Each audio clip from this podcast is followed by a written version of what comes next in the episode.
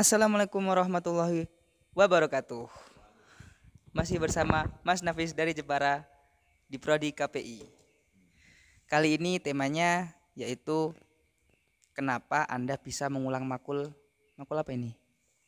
makul perencanaan produksi siaran radio Makul perencanaan produksi dan siaran radio. Ya, pertanyaannya ya langsung saja menju- menjurus ke Ya, oke. Kenapa itu Anda bisa meng- mengulang atau mungkin emang Anda tidak niat untuk mengerjakan atau bisa diceritakan? biasanya dulu sih dulu ada tugas yang tugas akhir itu semester kalau nggak salah semester 5 tugasnya akhir itu membuat wawancara di dengan apa ya dengan ketentuan-ketentuan tertentu seperti bagaimana apa dan itu sebagainya itu ya. Tapi saya men- mengalami kekurangan dalam hal apa ya kalau nggak salah itu. Terus pokoknya enggak fasilitas pokoknya dalam kriteria wawancara tersebut ada kekurangan bagi saya dalam pandangan Pak Pak Ihsan itu. Terus saya dibilangin kamu mau ngulang atau mau memper- memperbaiki atau mengulang saya tapi bingung. Ya udah saya mengulang aja Pak tapi nanti bisanya semester 9 kalau nggak salah. Soalnya nanti nggak ada makulnya. Ya Pak gak apa-apa. Nah ini. Akhirnya semester 9 ini saya dikasih tugas ini. Mohon maaf Mas, tolong jangan ditutupin. Oh. kayaknya. terima kasih Ma- maaf maaf maaf. Nah terus sampai mana tadi ya?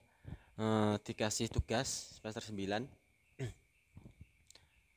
dengan apa ya tugasnya yaitu membuat podcast podcast melalui podcast seperti yang sudah kita ketahui yaitu seperti podcast Deddy Kobuzer sama podcast apa artis-artis sekarang yang sudah podcast yang lagi tenar sekarang gitu lah. Ya, tren. tren lagi trending.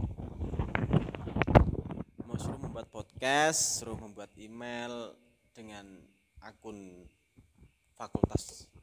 Fakultas Unsik. fakultas musik FSP itu Ya.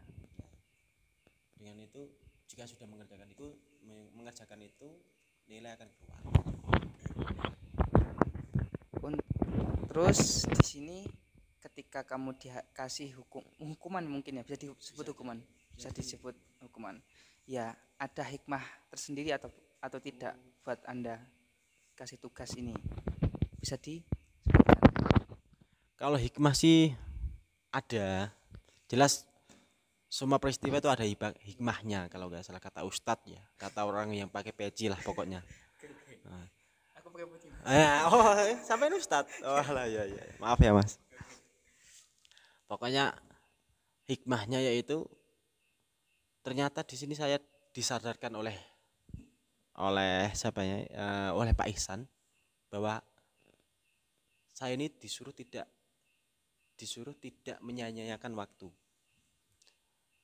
Harus konsisten dan juga harus apa ya? Hmm, dan juga harus tertib. tertib Ketertiban, kedisiplinan harus dijaga. Ini yang saya tangkap dari tugas apa ya tugasnya Pak Pak Ihsan ini. hikmahnya hikmahnya bisa di, disimpulkan Simpulkan hikmahnya ki, saya mem- memandang apa ya? membuat anda Ah. gimana menjadi Saya menyadari saya ke saya ini kayaknya tuh kurang hormat dengan guru. Yang saya rasakan sekarang loh. Nah, itu eh, yang membuat hikmahnya di situ. Hikmahnya lebih jadi bisa bisa lagi. bisa lebih hormat lagi. Nah, itu. Oke. Untuk membuat tugas ini menurut Anda itu sebuah kesulitan atau sebuah tantangan atau sebuah sepele atau gimana? Bisa ceritakan. Kalau tugas ini sih kalau bagi saya sih enggak enggak ya, bukan sepele sih. Bagi saya ini sangat kesulitan banget. Soalnya saya juga dalam hal ini apa pengambilan apa video-video ini enggak paham, belum paham.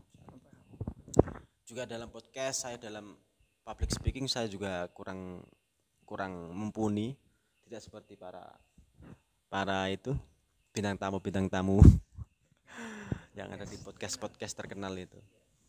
Saya tidak bisa menerangkan eh, apa yang ada di pikiran saya kepada teman-teman. Soalnya saya ya itu kurang public speaking kurang.